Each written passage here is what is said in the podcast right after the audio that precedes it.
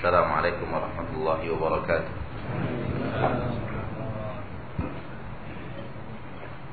الحمد لله رب العالمين والصلاة والسلام على أشرف الأنبياء والمرسلين وعلى آله وصحبه أجمعين. أشهد أن لا إله إلا الله وحده لا شريك له.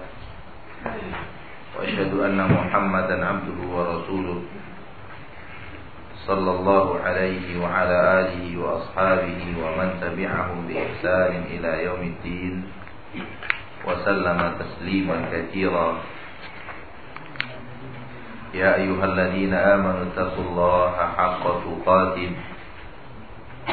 ولا تموتن إلا وأنتم مسلمون.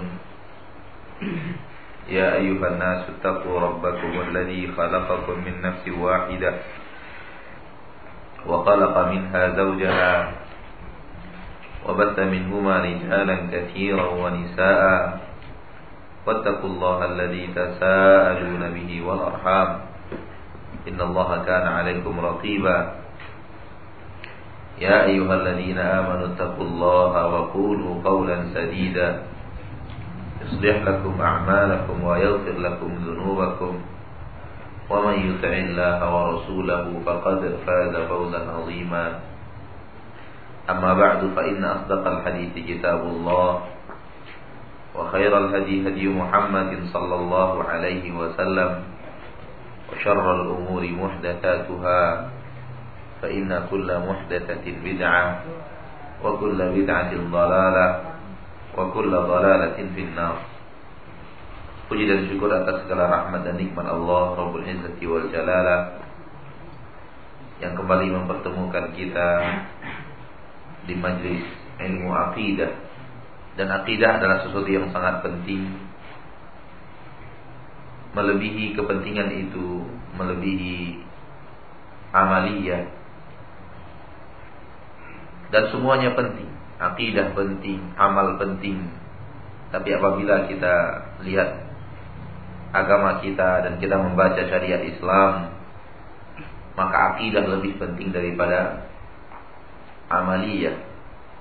Dan tidak ada yang tidak penting di dalam agama Islam. Tidak ada, tidak ada sesuatu yang tidak penting dalam agama Islam. Namun kepentingan itu berjenjang dan berderajat. Pentingnya salat sunat. Tahiyat tidak sepenting sholat sunat witir. Dan pentingnya sholat witir tidak sepenting sholat fardu subuh dan semacamnya. Berarti seluruh agama Islam penting namun kepentingan itu berderajat akidah dan amal akidah lebih penting daripada amal. Dengan beberapa bukti dan dalil sallallahu alaihi wasallam ketika berdakwah di kota Mekah fokus kepada akidah jauh lebih besar dan amaliyah banyak diturunkan oleh Allah di kota Madinah. Bahkan salat turunnya pada tahun 9 Hijriyah. 9 tahun berarti Rasulullah sallallahu alaihi wasallam memfokuskan kepada akidah, membebaskan umat daripada paham-paham syirik ibadah-ibadah syirik, keterikatan-keterikatan kepada kesyirikan. Dan para ulama mengatakan akidah adalah fondasi Islam, amal adalah bangunan yang dibangun di atas akidah tersebut. Maka fondasi peranannya lebih penting daripada bangunan, walaupun bangunan juga suatu hal yang sangat penting. Namun bangunan tidak akan bisa berdiri dengan baik dan kokoh seandainya fondasinya lemah. Baik. Ikhwani. Pada kesempatan yang lalu kita masuk kepada syubhat yang keempat yaitu mereka akan mengatakan bahwa saya tidak beribadah kecuali kepada Allah. Namun saya pergi ke kuburan orang saleh hanya sekedar untuk berdoa kepada mereka dan doa itu bukanlah bagian daripada ibadah. Itu kemarin syubhat yang ada di sebagian orang-orang yang terjebak di dalam doa-doa kepada orang saleh. Maka jawaban kita untuk itu tanyakan kepadanya, orang ini berarti tidak mengerti apa itu ibadah. Tidak faham dia apa itu ibadah. Yang diwajibkan diberikan kepada Allah Subhanahu wa taala semata. Tidak boleh diberikan kepada sesuatu selain Allah Tabaraka wa taala. Dia tidak ingin terjebak ke dalam kesyirikan. Namun karena ketidakfahaman dia tentang ibadah, apa itu ibadah, sehingga dia terjebak ke dalam kesyirikan. Dia mengira sebuah ibadah yang dia kerjakan bukanlah ibadah, sehingga santai saja dia memberikan ibadah tersebut kepada selain Allah, Tabaraka Ta'ala. Tanyakan kepadanya, saudaraku, apa itu ibadah? Suruh dia menjawab, dan bertanya kepadanya apa itu ibadah. Kalau Anda berani mengatakan bahwa doa itu bukanlah ibadah, berarti apa itu ibadah? Tanya definisi ibadah kepadanya. Tahukah dia apa itu ibadah atau tidak?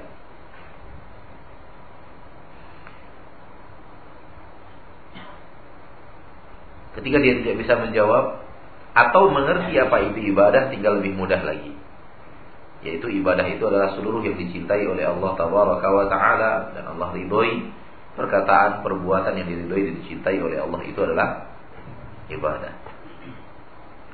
Dan hari ini hari ini Pak Adrianto hadir.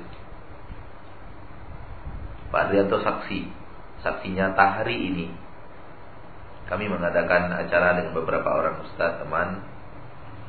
Judulnya pelatihan para dai. Diundanglah beberapa ustaz-ustaz yang berceramah di berbagai kabupaten di Pekanbaru, eh, di Provinsi Riau maksud saya. Sebagian mereka ustaz di sebuah sekolah sambil dai, sebagian mereka di Katua sambil dai, sebagian mereka guru agama di sekolah SD sambil dai. Tadi ditanya oleh Ustaz Ali apa itu ibadah, tak seorang pun yang bisa menjawab dengan benar. Pak Rianto saksi hidup Putusan dari berbagai kabupaten di Riau Riau Daratan Tak satu pun yang bisa menjawab dengan benar. Apa itu ibadah? Subhanallah. Saya membatin Pantas kesyirikan demikian terlebar luas. Ketika da'inya saja Ustadznya saja ditanya apa itu ibadah? Tak satu pun yang bisa menjawab dengan benar Bukan mereka tidak mau jawab Semangat mereka menjawabnya. Tapi semua jawabannya secuil-secuil. Tak ada yang menjawab dengan dengan jawaban yang pas. Apa itu ibadah? Maka di sini nampak sekali apa yang dikatakan Nabi Muhammad SAW akan berdiri hari kiamat wa taqillul ilmu. Dan ilmu itu akan menjadi sedikit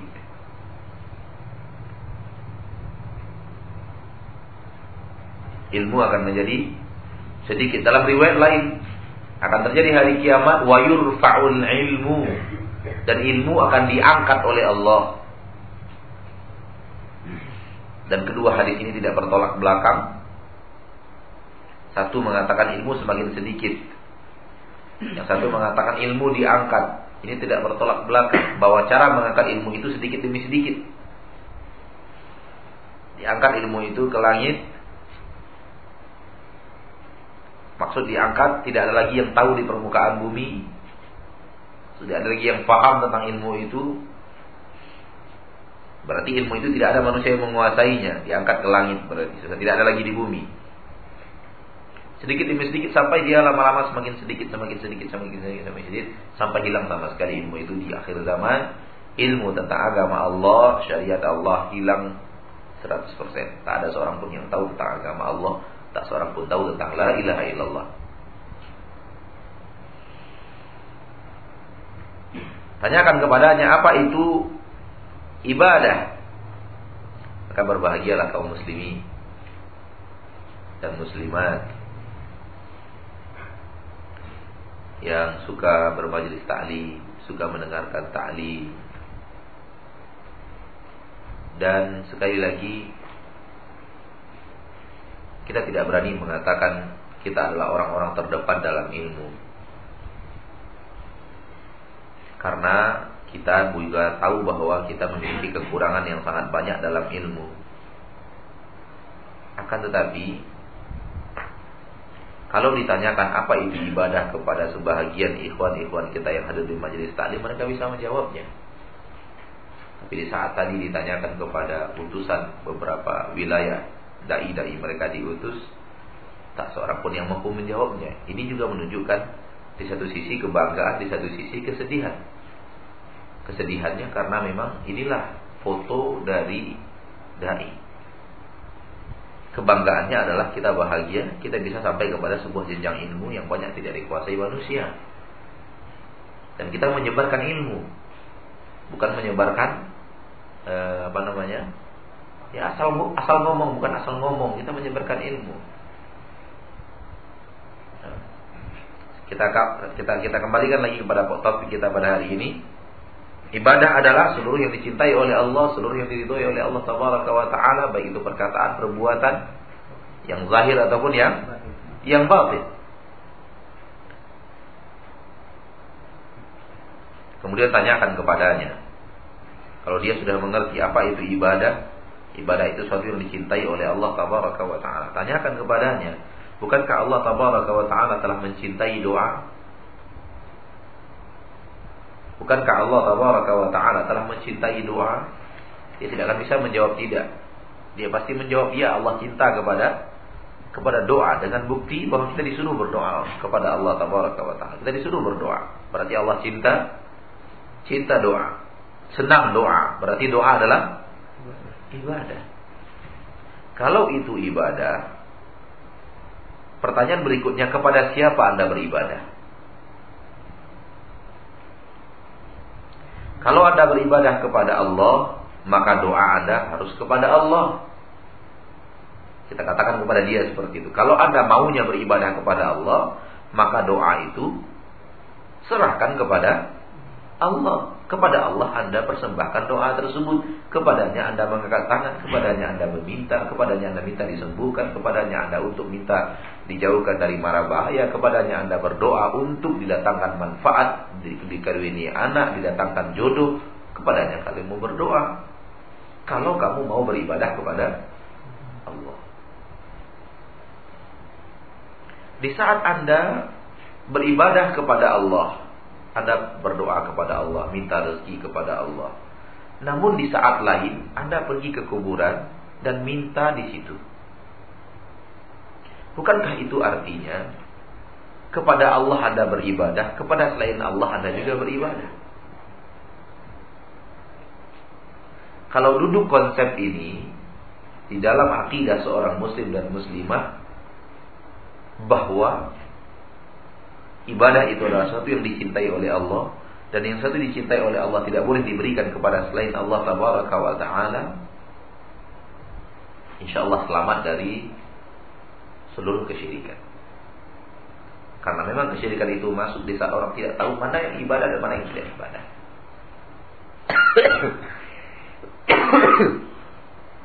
Kamu berdoa kepada Allah siang dan malam.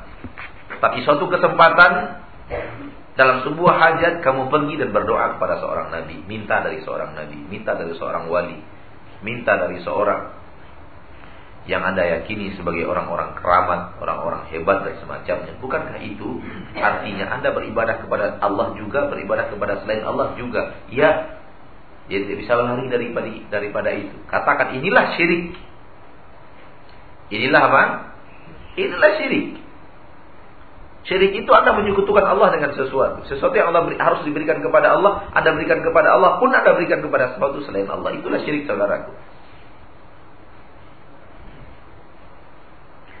Kalau umat Islam zaman sekarang tanya apa itu syirik? Syirik itu sujud kepada berhala, menyembah matahari, sujud kepada bulan, menyembah sapi. Itu yang syirik kata mereka. Tidak.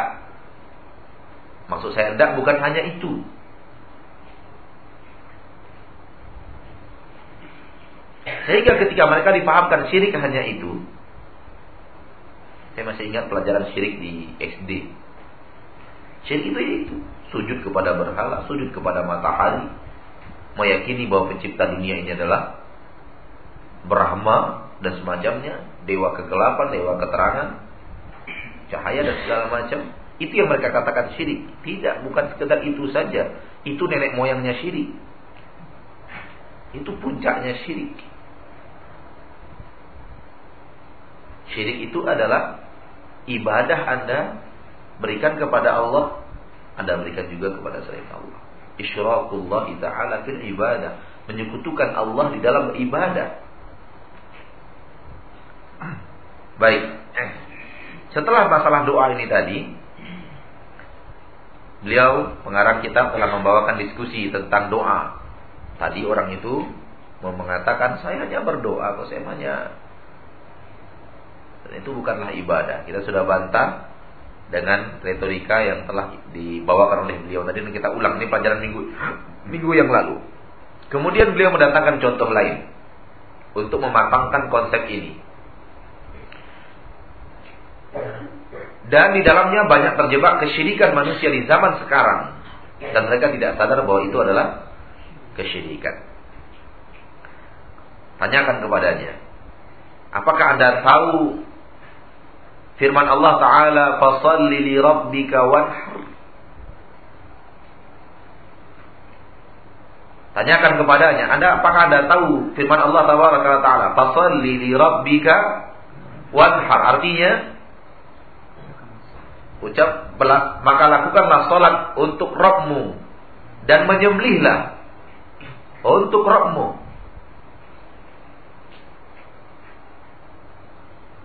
Berarti Allah cinta kepada salat sebagaimana Allah juga cinta kepada sembelihan. Dengan bukti Allah menyuruh kita salat, menyuruh kita menyembelih karena Allah dengan nama Allah untuk Allah wa taala. Bukti Allah cinta kepada sesuatu disuruh oleh Allah kita melakukannya. Bukti Allah cinta sesuatu disuruh oleh Allah kita melakukannya atau dipuji oleh Allah kita yang melakukannya. Berarti Allah cinta kepada suatu pekerjaan tersebut. Allah ridho pekerjaan tersebut. Berarti pekerjaan tersebut adalah ibadah. Fafalli li rabbika wanhar. Salatlah kepada Rabbmu dan menyembelihlah. wa ata'tallaha wa naharta lahu. Lalu kamu taat kepada Allah, kamu salat. Wa naharta lahu, kamu menyembelih suatu hewan karena Allah untuk hal-hal yang diizinkan oleh Allah. Mungkin dia adalah kurban yang di dalam bahasa Arab disebut udhiyah Mungkin dia adalah akikah, menyembelih juga. Mungkin dia adalah sedekah. Mungkin dia adalah nafkah. Nafkah kita kepada keluarga kita sembelih. Semua itu dicintai oleh Allah, diridhoi oleh Allah tabaraka wa taala karena Allah cinta orang yang memberi nafkah kepada keluarganya. Karena Allah cinta orang-orang yang akan bersedekah, karena Allah cinta orang-orang yang berakikah, karena Allah cinta orang-orang yang berudhiyah, berkurban. Berarti menyembelih ini ibadah. Ketika Anda sudah taat kepada kepada Allah, sudah melakukan salat dan Anda sudah menyembelih karena Allah. Hal hadza ibadah? Apakah yang Anda lakukan itu salat dan menyembelih tadi adalah ibadah? Fala buddha kita lanjutkan kitab, fala buddha an yaqula na'am. Dia pasti akan mengatakan ya, tidak bisa dia mengatakan tidak. Kalau dia sudah duduk konsep ibadah itu apa? Maka yang perlu didudukkan konsepnya adalah apa itu? Ibadah. Ismun jami'un likulli ma Allah wa yarda min al-aqwali wal af'ali dhahir wal batinah. Sebuah nama yang mencakup seluruh yang dicintai, seluruh yang diridhai oleh Allah, perkataan, perbuatan zahir ataupun batin. itu ibadah. Asal Allah cinta, perkataan itu ibadah. Asal Allah cinta, perbuatan itu ibadah. Baik perbuatan itu nampak, perkataan itu nampak, salat dan semacamnya. Baik perbuatan itu tidak nampak, tawadu, sabar dan semacamnya. Perbuatan hati tidak kelihatan, qanaah dan semacamnya. Allah cinta itu, Allah terangkan Allah cinta yang seperti itu, itu adalah ibadah. Hal hadi ibadah, bukankah ini semua adalah ibadah? Allah menyuruh Anda salat, bukankah itu ibadah? Dia pasti menjawab, ya. Anda menyuruh, Allah menyuruh Anda untuk melakukan sembelihan kepada Allah. Bukankah itu ibadah? Ya. Dari mana Anda tahu itu ibadah? Allah menyuruh. Berarti Allah sayang. Allah cinta. Allah ridho terhadap hal yang seperti itu. InsyaAllah, duduk permasalahan ini. Fala buddha an yakula na'am. Mau tidak mau dia akan menjawab. Ya. Tidak mungkin dia bisa membantahnya. Karena ini argumentasi yang lebih terang daripada matahari di siang hari. Fakullahu, kalau dia sudah mengatakan ya itu ibadah. Karena Allah menyuruh saya. Allah ridho hal yang seperti itu. Katakan kepadanya, fa inna hartani makhlukin. Apabila suatu saat engkau menyembelih kepada suatu makhluk, seorang makhluk nabiyin. Mungkin makhluk engkau menyembelih itu persembahanmu kepada seorang nabi. Au jinniyin atau seorang jin. Au ghairihima atau selain nabi dan jin. Kau menyembelih. Menyembelih tadi adalah ibadah. Ibadah. Ternyata Anda menyembelih mempersembahkan sebuah sembelihan untuk kuburan seorang nabi. Ternyata Anda menyembelih di sebuah tempat keramat yang diyakini penduduk negeri Anda bahwa itu adalah berpenghuni. Ternyata Anda menyembelih di sebuah pohon di belakang rumah Anda, Anda yakin bahwa pohon itu ada penunggunya dengan dalil bahwa orang lewat-lewat di situ nampak suaranya kedengaran sekali sebulan.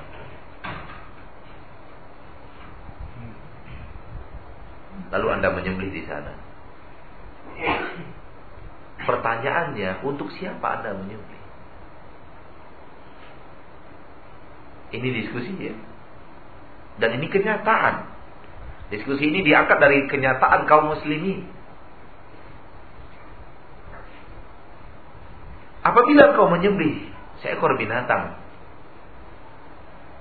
tapi tempat persembahannya kuburan kepada kuburan seorang nabi atau kepada jin dan jin ini yang lebih identik sekarang dengan penyembelihan tempat-tempat keramat dan semacamnya dan kita sudah pernah duduk di sini bersama sebahagian ikhwan yang hadir bercerita apa yang dia saksikan daripada jenis kesyirikan di negerinya tempat-tempat keramat di negerinya. Banyak sekali ternyata. Karena memang itulah yang diinginkan oleh syaitan dari manusia. Yang diinginkan oleh iblis dari manusia. Manusia melakukan syirik. Tidak pahamnya seseorang tentang apa itu ibadah, apa itu syirik. Membuat dia santai melakukan sebuah pekerjaan.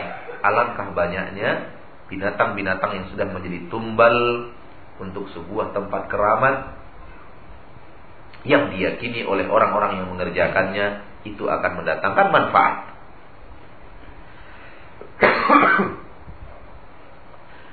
Fa inna harta apabila engkau menyembelih untuk seorang makhluk au nabi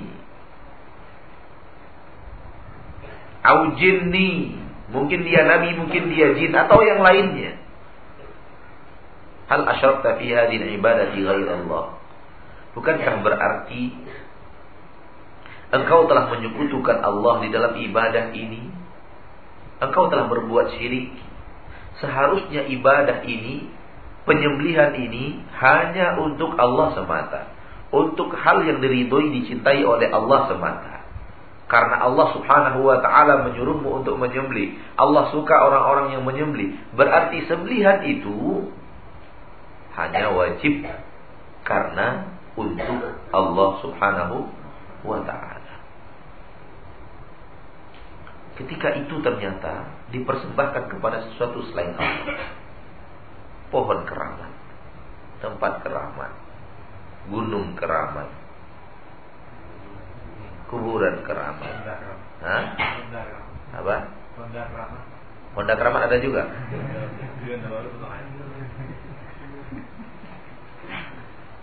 Apabila kita lihat semua yang keramat-keramat itu Intinya adalah Takut dengan sesuatu Di balik semua yang keramat itu Bukan hanya karena dianya Tapi sesuatu di balik kekeramatan itu Pohon berkeramat Keramat adalah pohon berpenghuni Kuburan keramat adalah kuburan yang memang Dihuni oleh orang-orang yang mereka cintai Sumur keramat adalah sumur yang berpenghuni rumah keramat, rumah yang berpenghuni dan semacamnya. Telaga keramat adalah telaga yang berpenghuni dan segala macam. Persembahannya kepada itu sebenarnya. Kepada jin yang ada di balik seluruh materi tersebut. Supaya apa? Supaya aman. Tidak diganggu-ganggu. Kan itu sebenarnya. Hah? Supaya aman tidak diganggu-ganggu. Padahal kalau kita yang ganggu dia, dia akan kabur. Ya, kita sudah katakan berulang-ulang kalau kita ganggu jin itu yang kabur itu jin bukan kita. Tinggal keberanian kita mengganggu dia. Ya. Ketika ditelepon, nanti kita tidur di Handayani ya. Bermalam di sana, insya Allah Ustaz, insya Allah. Udah jatah jadwalnya, permisi Ustaz, permisi, permisi. Tidak ada yang berani tidur di Handayani. Jadi. Tinggallah saya sendiri Ditelepon tadi, iya bagus itu, insya Allah rencana kita itu bagus Ustaz. Ingin menggertak jin-jin yang ada di Handayani. Yang di, yang yang, yang kawan-kawannya dari dari dari orang-orang pintar katanya orang-orang dukun itu mengatakan ribuan jin berpesta di malam hari setiap malam di sini selama seminggu tepatnya dipinjam untuk pesta yang dihadiri oleh Nyiroro Kidul. Kita ingin buktikan, kita ingin mengganggu pestanya jin, kita ajak kawan-kawan. Sebagian yang telepon, ini bagus Ustaz. Ya, bagus Ustaz, bagus ya. Maksudnya bagus itu ya tidur di situ. Ternyata udah datang waktunya jam 11 setengah 12 mulai permisi satu-satu. Enggak ada berani, enggak ada lagi yang tinggal di situ. Sehingga akhirnya eh, apa? Bang Hanan menyuruh supirnya dan penjaga musola kita di Marpoyan dulu, Bang Edi, udah kalian berdua sini tidur di sini temani Ustaz. Itu dipaksa oleh Bang untuk memani Ustaz. Nah, maulah mereka tinggal di situ. Mereka mau pulang juga sebenarnya, tapi ditahan. Jadilah kami bertiga. Sebentar kami di sana, datang tetangga Andayani, datang Ustaz. Ya, lagi itikaf. Iya, saya ikut dia. Ya silakan. Berempat jadinya. Semua ikhwan-ikhwan yang kita telepon, kita mau di sana, mau nginap, mau menunjukkan kepada mereka bahwa jin bisa kita ganggu, mereka nggak kuat. Oh iya bagus, bagus semua bagus hilang sudah. Semua yang katakan bagus yang kita telepon malam itu hilang sudah. Harus ada keberanian. Kalau bukan orang-orang yang bertauhid yang melawan jin itu, siapa yang berani melawannya? Kalau orang bukan orang-orang yang yang belajar ilmu akidah yang menunjukkan perlawanan itu, siapa yang akan melawan jin-jin tersebut? Siapa yang akan menunjukkan kepada mereka di tengah banyaknya sahabat-sahabat mereka yang menontonkan kekuatan mereka dan merasa kita ini harus di bawah jin-jin tersebut. Jadi perlu ikhwan-ikhwan yang mengerti akidah dia harus lawan. Membuktikan kepada masyarakat bahwa tidak benar itu ketakutan mereka kepada jin itu nggak benar.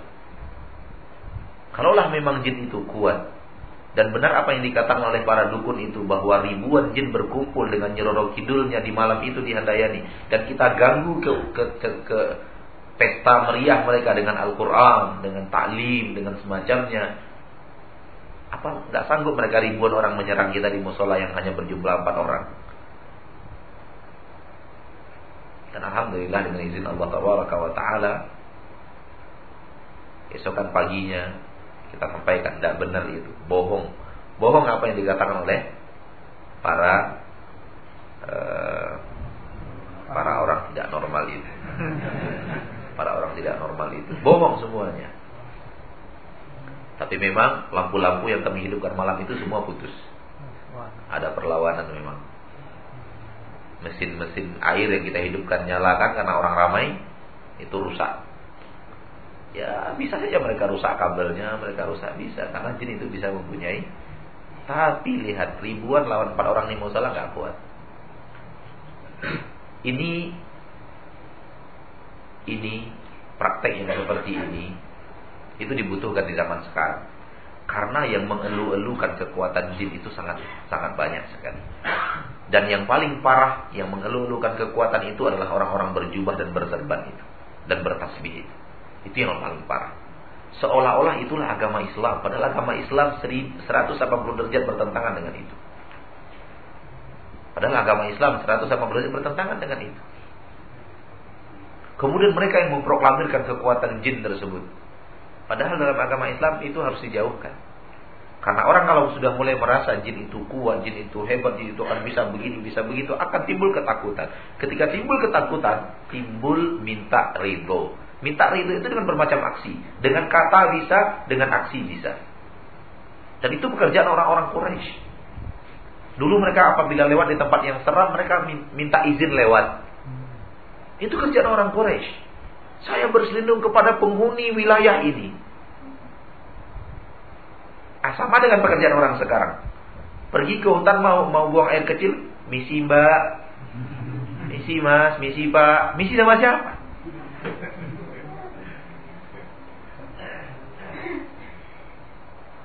Pekerjaan-pekerjaan yang akan membawa kepada dalam kesyirikan.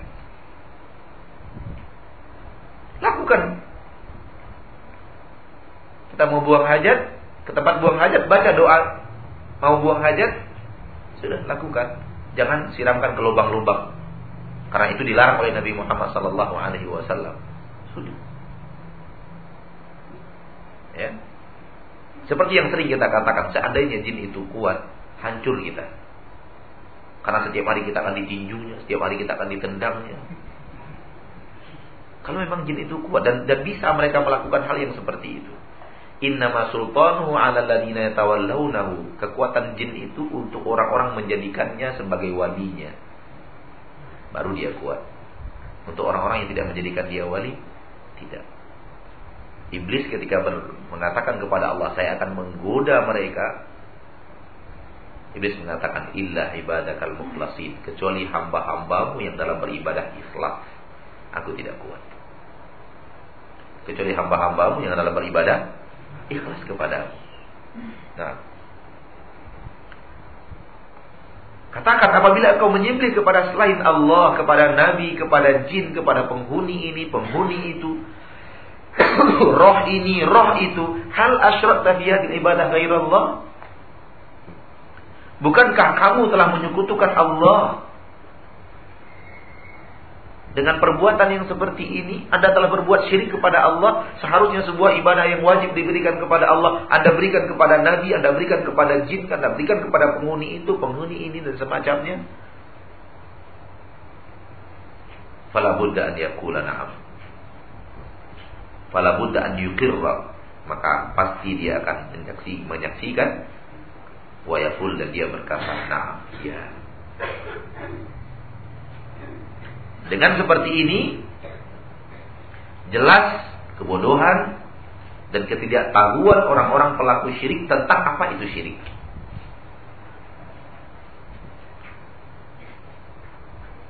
Dan dengan diskusi seperti ini akan nampak dengan jelas mana yang tauhid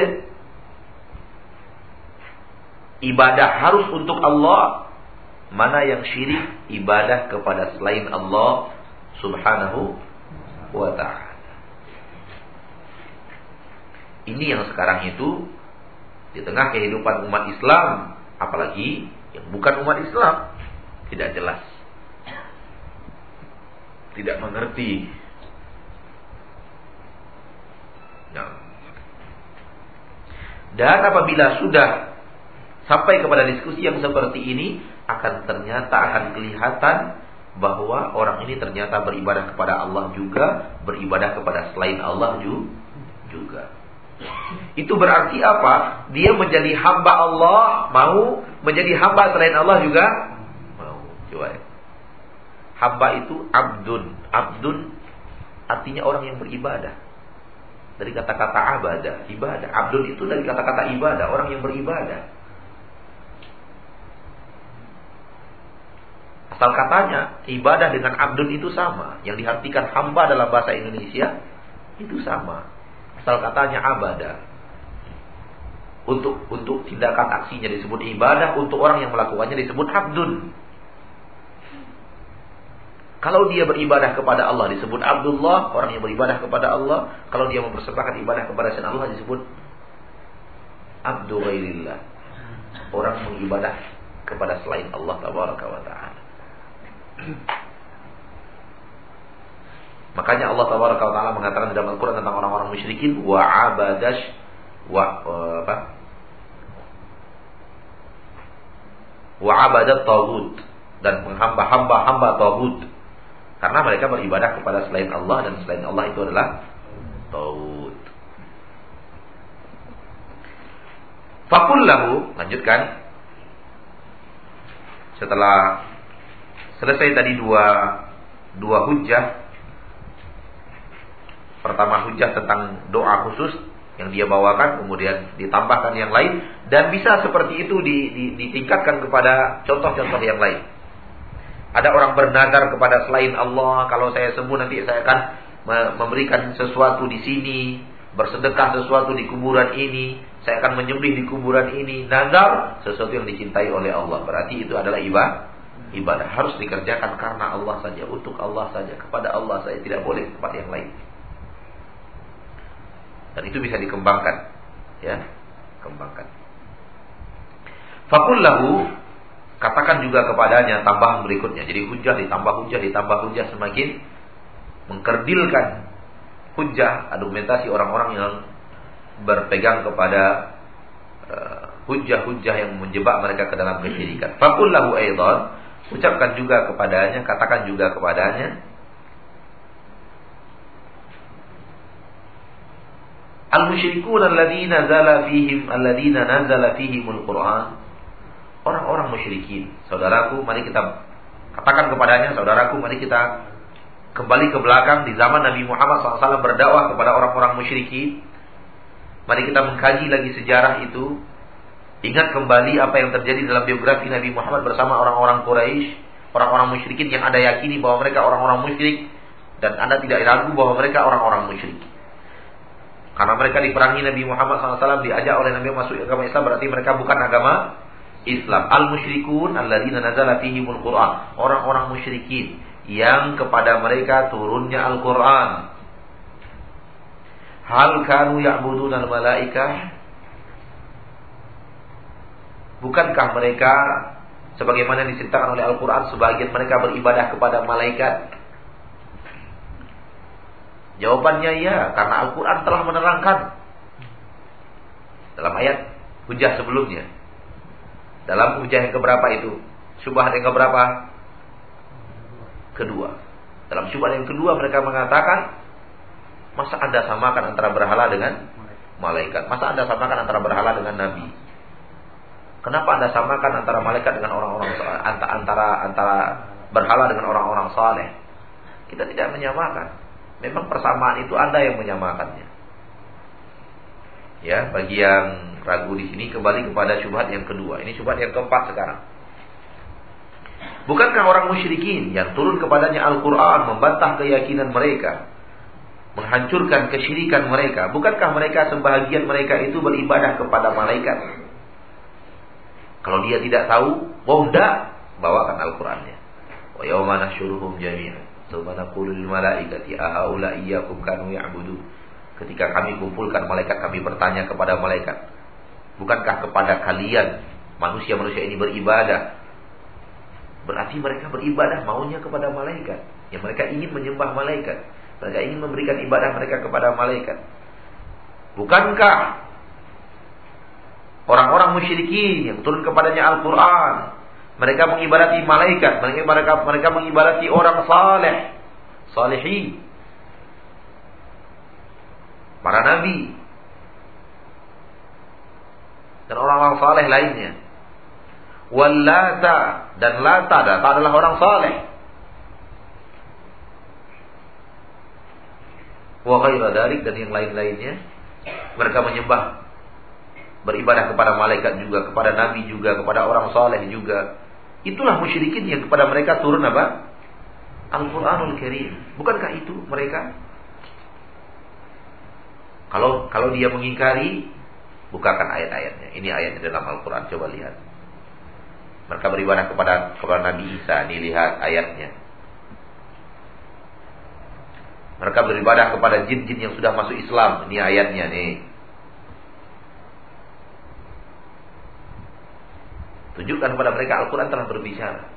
Adanya persembahan-persembahan ibadah kepada malaikat, kepada para nabi, kepada orang saleh. Ketika dibukakan itu kepadanya, fala buddha an yakula na'am. Dia pasti akan mengatakan, ya, dia tidak bisa mengingkari sesuatu yang telah diterangkan oleh Al-Quran Karim. Karena kalau dia mengingkari sesuatu yang diterangkan oleh Al-Quran Karim, dia kufur.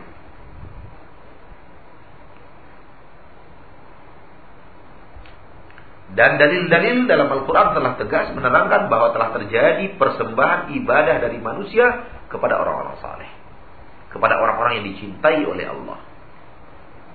Sehingga nanti, ini tambahan dari saya, sehingga nanti di akhirat, seluruh yang beribadah kepada sesuatu selain Allah, seluruh yang beribadah kepada sesuatu selain Allah, akan didatangkan di akhirat kelak di yaumil mahsyar setelah masa perhisaban akan didatangkan kepada mereka gambar orang-orang yang mereka ibadahi di permukaan bumi.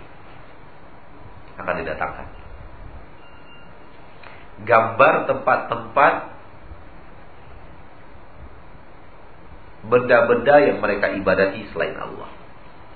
Penyembah-penyembah api akan datang nanti api di akhirat. Gambar saya maksud di sini ya Bukan gambar arti gambar maksudnya ada sebuah gambar gitu, tapi didatangkan api.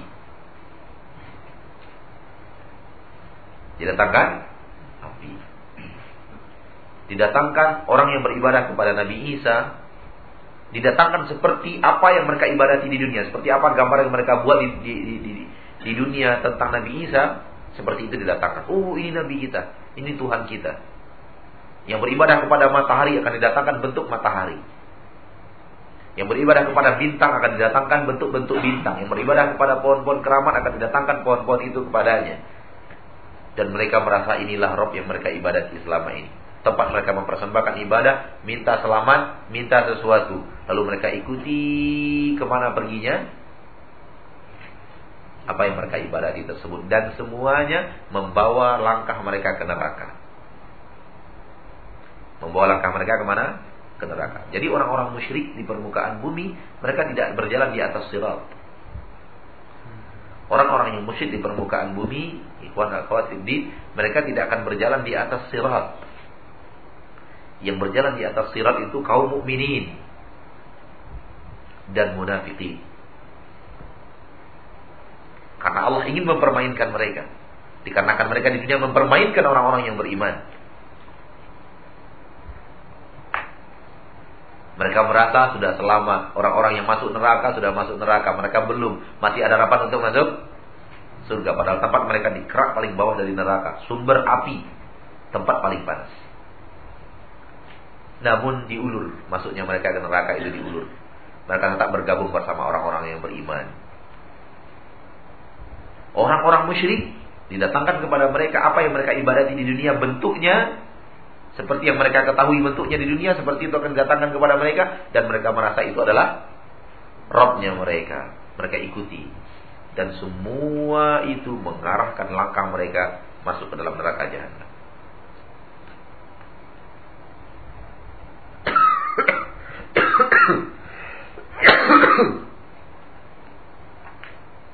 Mana tadi? Ya, fala budda an yaqula na'am dia pasti akan berkata ya. Ya. Kalau dia tidak tahu kita bacakan ayatnya sehingga dia yakin dengan apa yang ada. Fakullahu kalau dia sudah mengatakan ya, benar ternyata orang-orang dahulu musyrikin yang musyrikin dianggap musyrik oleh Al-Qur'an, penyembah-penyembah matahari, penyembah-penyembah nabi, penyembah-penyembah orang saleh, penyembah-penyembah para nabi, Kalau dia sudah akui itu, tak katakan kepadanya, fakullahu, katakan kepadanya, wahal kanat ibadatuhum iyyahu illa fid du'ai wa dzabhi wal iltijai wa nahwi dzalik. Fahal kanat ibadatuhum iyahum. Bukankah ibadah mereka kepada mereka? Ibadahnya orang-orang musyrik itu kepada apa yang mereka ibadati? Kepada mereka, kepada salihin, kepada para nabi, kepada lata. Bukan kepada ibadah yang telah mereka lakukan kepada orang-orang tersebut. Illa fid du'a, ibadah mereka ada karena mereka berdoa. Karena mereka wadzabah, karena mereka menyembelih untuk malaikat, menyembelih untuk kuburan Nabi, menyembelih untuk kuburan orang saleh. Wal iltija karena mereka mendekatkan diri kepada orang-orang saleh tersebut di kuburannya ingin untuk menempel mendekatkan diri menjadi orang-orang yang dekat dengan orang-orang yang mereka ibadati tersebut itulah kesyirikan orang-orang musyrikin dengan dalil firman Allah taala yang sangat banyak bahwa mereka ingin dekat dengan orang-orang saleh. Agar orang saleh tersebut mendekatkan mereka kepada kepada Allah tabaraka wa taala. Mereka ingin mendapatkan syafaat daripada orang-orang saleh tersebut. Dan di dalam Al-Qur'anul Karim diterangkan ayat-ayat yang ada di dalam Al-Qur'an menerangkan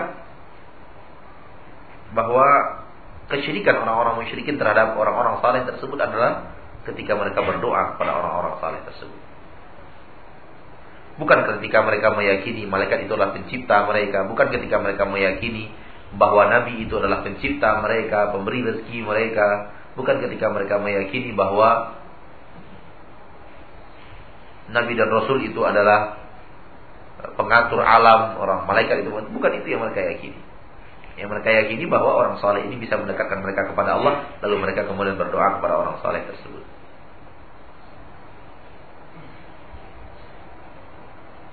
Wa illa kita lanjutkan, wa illa fahum muqirruna annahum abiduhu wa tahta qahrihi.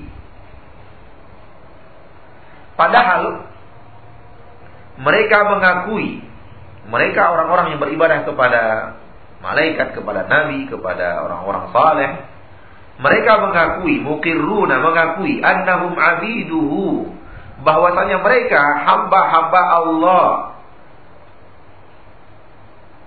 Wa tahta qahrihi.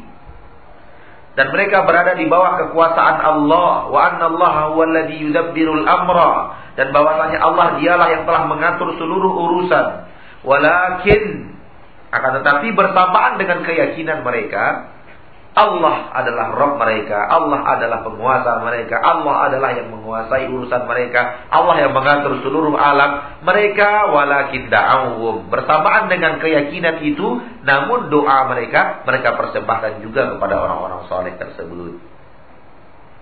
Wal taja'u ilaihim mereka merapatkan diri, mendekatkan diri kepada orang-orang soleh tersebut lijahi wa. Karena kedudukan orang soleh itu di sisi di sisi menurut mereka, karena syafaat orang soleh tersebut di sisi Allah menurut mereka. Wahada amrun zahir. Dan ini adalah wahada zahirun jiddan. Dan inilah suatu hal yang sangat jelas sekali. Bahwa telah terjadi kesyirikan di saat orang-orang ingin mendekatkan dirinya kepada manusia saleh dan ingin mereka manusia saleh itu mendekatkan diri mereka kepada Allah taala. Itu terjadi. Orang-orang Quraisy kenal kepada Allah, namun pengenalan mereka kepada Allah beriringan dan bersertaan dengan kesyirikan. Fa kita lanjutkan.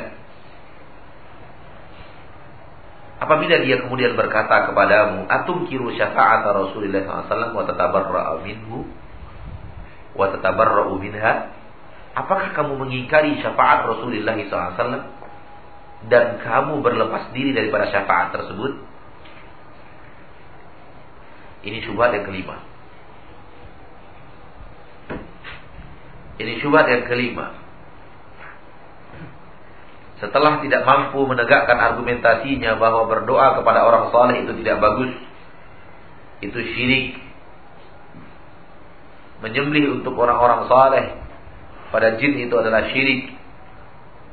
Mereka lalu memulai dengan tudingan. Syubhat yang kelima di sini adalah tudingan. Ia akan berkata, "Atum kiru syafaat Rasulullah SAW wa tatabarra'u minha." Jadi kamu ingkari adanya syafaat Rasulullah sallallahu alaihi wasallam. Dan kamu berlepas diri dengan syafaat tersebut artinya tidak mengakui adanya syafaat tersebut. Kita di mana, mereka tudingannya ada di mana. Dan ini adalah ciri-ciri orang-orang yang berada di atas kebatilan. Ketika dia tidak mampu menegakkan hujah, dia main tuding. Ciri-ciri orang berada di atas kebatilan tidak mampu menegakkan hujah. Setelah adu argumentasi terjadi, dia tidak mampu menegakkan hujah, dia main tuding.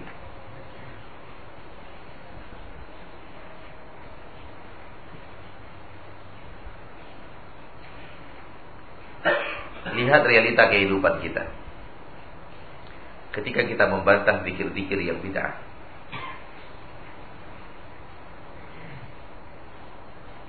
Bertebarlah tudingan kelompok itu melarang orang berzikir di masjid. Apa iya kita melarang orang berzikir ke masjid di masjid? Apa pernah kita melarang kaum muslim berzikir di masjid? Tidak pernah. Yang kita ingkari adalah apa? Zikir yang salah dengan cara praktek yang salah itu yang kita tidak kita ingkari. Dikarenakan kita tahu bahwa itu tidak pernah dikerjakan Nabi Muhammad SAW. Namun kemudian beredar isu mereka melarang orang berzikir di masjid.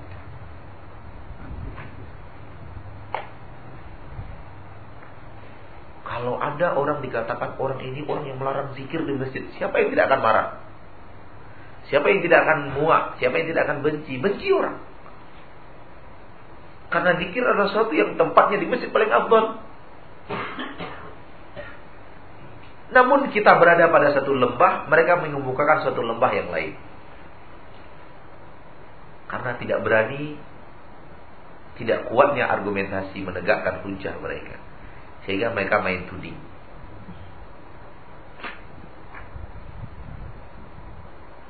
Nabi Muhammad SAW ketika menerangkan kepada kaum musyrikin di zamannya bahwa peribadatan kepada berhala ini tidak benar, penyekutukan Allah Subhanahu wa taala, bahwa ini bagian daripada kesyirikan. Kita akan tidak akan bisa beribadah kepada Allah dengan ikhlas kecuali berlepas diri daripada penyembahan peribadatan kepada berhala ini. Apa kata orang-orang Quraisy? Sabba alihatana. Dia telah mencaci maki Tuhan kita. Itu yang dikembangkan. Muhammad mencaci maki Tuhan-Tuhannya mereka. Karena Muhammad tidak mencaci maki. Nabi mengajak mereka jangan menyembelih kepada ini, jangan berdoa kepada ini. Berdoalah kepada Allah semata. Mereka tidak bisa memberikan manfaat. Betul, mereka tidak bisa menolak mudarat. Betul, mereka tidak bisa berbicara. Betul, mereka tidak bisa mendengar. Betul. Tidak penghinaan, bicara apa adanya. Akan tetapi kemudian dikembangkan isu sabba alihatina. Muhammad telah mencaci maki kami. Di suatu negeri lagi di wilayah kita juga diterangkan di sebuah majelis bahwa ibu-ibu itu sholat di masjid bagus, sholat di rumah bagus, tetapi abdolnya di rumah. Sampai di situ aja keterangan kita. Lalu dikembangkan isu orang ini mengharamkan wanita ke masjid. Ya subhanallah. Mana apa yang kita terangkan, mana apa yang mereka tudingkan. Ini Ikhwani wa akhwati fidin, ciri orang-orang yang berada di atas kebatilan. Dia tidak punya argumentasi lagi untuk bernegakkan apa yang dia lakukan, lalu dia main tuding agar orang benci. Nah, ini dia sama dengan yang seperti ini. Dari tadi kita tidak mengingkari syafaat Rasul dari hujah-hujah dari dari empat hujah, empat syubhat yang dia kemukakan dan jawabannya tidak ada pengingkaran sedikit pun tentang syafaat Rasul. Kita tidak ingkari dan siapa yang bisa mengingkari syafaat itu? Tidak ada. Al-Quran menyatakan syafaat itu bakalan ada. Hadis tegas-tegas menyatakan syafaat itu bakalan ada. Kita tidak bisa mengingkarinya. Karena mengingkari syafaat kufur. Tetapi lihat. Ketika beradu argumentasi, dia tuding kita mengingkari syafaat. Agar terpesona orang-orang yang sekeliling yang cinta syafaat tersebut dan benci kepada kita. Ini ciri-ciri kebatilan. Main tuding. Dan biasanya ini terjadi ketika mereka tidak berani, tidak bisa menegakkan hujah mereka. Mereka buat skenario agar bagaimana orang lain tidak suka dan benci. Bapak Ibu kaum muslimin dan muslimat rahimani wa rahimakumullah. Syekh Muhammad bin Abdul Wahab ingin kita beribadah kepada Allah semata. Apa yang kita baca bukunya, inilah dia yang beliau inginkan. Bukankah ini yang diinginkan Nabi dan Rasul? Ya, tetapi ditebarkan tudingan terhadap beliau, beliau adalah orang yang benci kepada orang-orang saleh, benci kepada para wali, benci kepada para nabi, benci kepada salawat, benci kepada ini, benci kepada itu. Inilah gambaran potret aliran Wahabi. Subhanallah. Yang ada tudingan, bukti tidak ada. Di mana hujah, di mana tudingan berada pada lembah yang sangat jauh sekali. Ini dia dia yang dikatakan orang akidah Wahabi ini dia yang kita baca ini. Dan kita tidak malu dan tidak takut mengatakannya. Karena apa yang mereka tudingkan berada di suatu lembah yang kita tidak berada di situ. Anda yang mereka tudingkan itu sesuatu yang memang kita berada di sana, Alhamdulillah. Karena kita ingin juga keluar daripada kesesatan. Paham? Yang saya maksud? Anda yang ditudingkan ke orang orang kepada kita sesuatu yang kita berada di dalamnya, alhamdulillah. Karena kita ingin keluar dari lembah kesalahan itu. Kita ingin keluar daripada kebencian kepada Nabi. Kita ingin keluar daripada kebencian kepada orang saleh. Kita ingin keluar daripada kebencian kepada para para wali. Kita ingin mencintai Nabi, mencintai wali, mencintai orang saleh. Seandainya tudingan itu ada pada kita, ini ini ini kaidah. Seandainya tudingan orang kepada kita adalah benar, bersyukurlah. Karena orang itu masih peduli kepada kita dan ingin mengeluarkan kita dari dari kesalahan. Banyak manusia apabila ditudingkan orang kepada sesuatu kepadanya dan tuding itu benar, dia tidak mau terima. Kenapa saya digitukan? Kenapa dibeginikan? Nah ya akhi. Itu bukti orang sayang sama Anda. Anda berada dalam sebuah kesalahan. Orang buktikan Anda salah, Anda telah begini, Anda telah begini. Tudingan yang benar. Tunjukkan yang benar. Tidak perlu marah. Bersyukurlah masih ada orang peduli kepada Anda. Mengingatkan Anda jangan sampai salah. Cuma kalau tidak ada